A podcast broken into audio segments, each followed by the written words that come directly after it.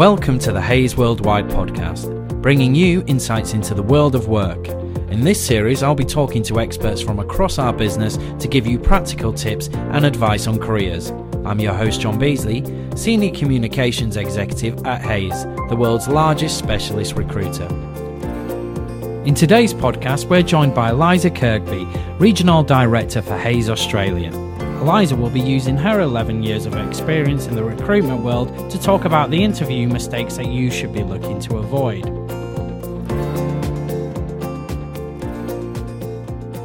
Thanks for joining us today, Eliza. Recently, we've uh, we've spoken about how to best prepare for a job interview and, and, and some of the questions that you can be asking. So, for this episode, we wanted to look at the common interview mistakes that people should be avoiding.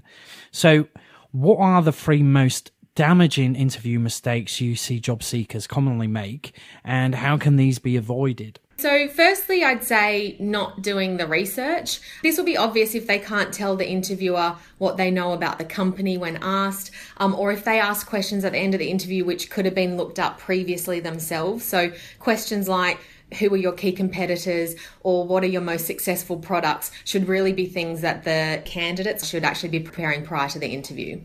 Um, speaking of questions, I'd say not having any questions to ask about the opportunity or the organisation during or at the end of the interview is a big mistake. Um, so, you, look, you should come prepared with positively phrased interview questions that demonstrate your enthusiasm and interest. Um, questions like, how has this role evolved or what's your favorite aspect of working for this company?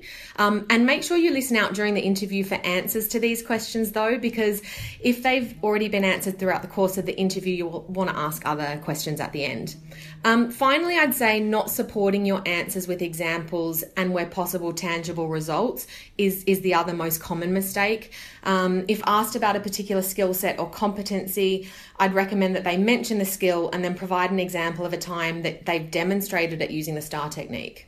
So nerves are often the, the cause of interview mistakes, and uh, and while we have spoken on previous podcasts about how to prepare for the interview itself, is there anything you would recommend candidates do before the interview to calm their nerves? Yeah, absolutely. I think there's a few things candidates can do. Um, I guess, firstly, if there's something in particular playing on your mind or making you feel nervous about the interview, I'd highly recommend talking to your recruiter about it. They'll do their best to answer any questions or put your mind at rest. So that would be the first thing. Um, also, it's a great idea to practice answering some common interview questions out loud, um, and even better to talk to someone else if possible. Um, so this will help you feel more comfortable when talking talking about yourself to others in the actual interview room as part of that process. Another good trick is to give yourself a pep talk. So remind yourself of all of your achievements. Some of us are better than others at doing that. Um, and remember that the interviewer must be keen on you or they wouldn't have asked you in for an interview. So try and visualize positive outcomes, cut out any negative self talk ahead of the interview um, to give yourself the best chances throughout that interview.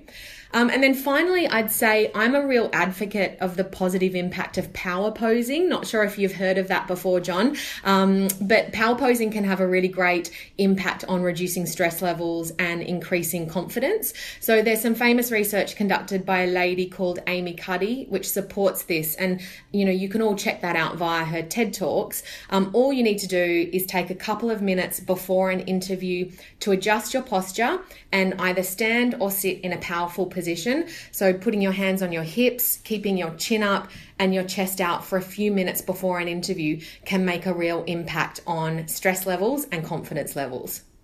Thank you, Eliza. I am actually new to the concept of power posing, so I will certainly look that up.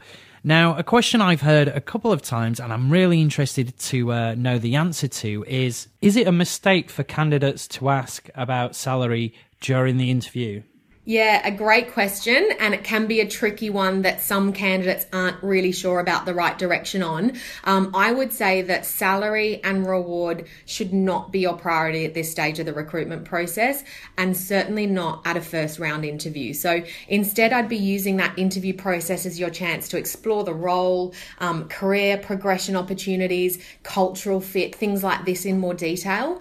Um, I would be concerned that asking about salary uh, right off uh, the bat could seem a little presumptuous, um, and you could run the risk of indicating that you're motivated by money alone. So, um, we'd advise that you leave that conversation for later down the line and negotiate the subject of remuneration packages through a recruiter because that's really what they're um, equipped to do. Thank you, Eliza. That makes perfect sense. And um, sometimes situations are out of our control. So, for instance, bad traffic might mean that you know you're running late for the interview. How would you recommend candidates deal with this effectively? Okay, so firstly, I would say you need to give yourself more than enough time to account for unexpected delays because being late for an interview is a really big red flag for most interviewers.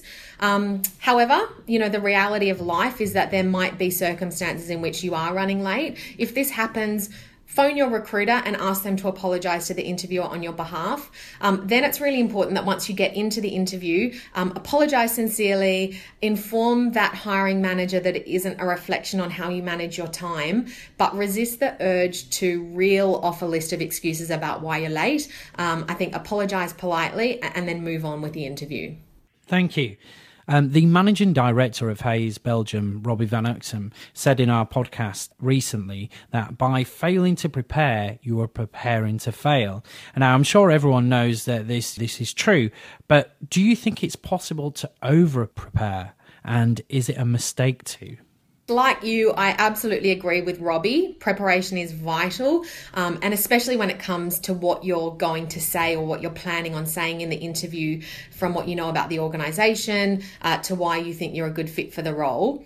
However, having said that, um, you know that you've overdone it if you find yourself planning what you're going to say word for word. So instead of writing things out word for word or writing uh, planned responses out word for word. Put down some key bullet points of things that you want to explore or talk about during the interview um, because interviews need to be conversational, not scripted. Um, and the other thing is, if you've really scripted planned responses, you run the risk of trying to lead the interview into covering the questions you've prepared for rather than actually answering the questions that you're being asked um, throughout that interview. Great. Now, um, many job seekers make mistakes in interviews that they don't even realize they're making. Can you give us any examples of these? Yeah, so this is something we see um, often in recruitment. I'd say poor body language is one of the most common things. Um, so, sitting back in your chair could make you appear aloof. Not making eye contact and not smiling during the interview can suggest poor interpersonal skills. Um, and if you've got your arms folded throughout the interview, you may be coming across as defensive. So poor body language is number one. The other thing to, to think about is, is unprofessional language. So I hope it would go without saying, but swearing or using slang are big no-nos, but also being overly familiar. Um, they're, they're all, uh, you know, things that I, I would say are, are bad in my book. Um, I think that they could indicate that you may rub stakeholders up the wrong way as well. So they would make an interviewer feel potentially concerned about you joining their organization. And then I think the other common mistake that we see when answering questions is candidates that may ramble on or not give clear answers or not give concise answers. So we talked previously about that STAR technique. It's a great technique to help you um, to keep your answers concise, um, but also practicing interview answers, answers as part of your preparation will help you. Um, before you respond to a question, I think it's a good idea to pause Take a moment to think about what you plan to say and how you're going to structure your answer. And then if you do catch yourself going off track, take a breath, remember the question, try and summarize your main point, and then stop talking. Great, thanks, Eliza. There's some really useful advice there, and I, I should imagine there's a there's a few points there that people hadn't even realised. So hopefully they uh, they find them useful in their future interviews. Um, a common interview question often asked is why you left or why you're thinking about leaving your current employer. So when asked this question, job seekers might be tempted to speak negatively about their their, their current employer, perhaps. How would you recommend candidates respond best to this question when asked it? That's a great question, John, because I think this is probably one of the trickiest area for candidates. Um, I believe it's most definitely a mistake to make negative comments about a previous employer. So that that's number one. I think that whatever happened, avoid speaking badly about them in the interview um, because speaking badly about them may actually end up putting you in a bad light, which is something we we for sure want to avoid. Um, some interviewers could see it as being unprofessional, um, or it could raise alarm bells for them about the candidate's conduct throughout the employment. Um, so I would say, look, where possible, instead try to focus on the positive aspects of the company or opportunity that you've moved on to, um, or the role that you're interviewing for, as opposed to being negative about why you've left a previous employer or why you're planning on leaving your current employer, if that makes sense. Yes, of course. Thank you. And um, for our last question, this is a question that we always finish the uh, podcast on. And what's the best piece of careers advice that you've ever been given? Okay, that's another good question. Um, this advice came from one of my colleagues here at Hays when I was promoted into my current role as regional director. So he said to me, Don't be afraid to take risks or challenge the norm. Um, it is going to inevitably lead to making mistakes along the way, but making a mistake and learning from it is one of the best ways to develop professionally and also personally. And I can speak from personal experience when I say that, that I really do um, agree with that piece of advice uh, wholeheartedly. That is a great piece of advice. Thank you very much for joining us today, Eliza. Thank you for having me, John. Thank you for listening to the Hays Worldwide podcast. Look out for the next month's episodes for further insights into the world of work. In the meantime, subscribe to the Hays Worldwide podcast to receive the latest episode direct to your device. For more expert advice, visit haysplc.com forward slash viewpoint.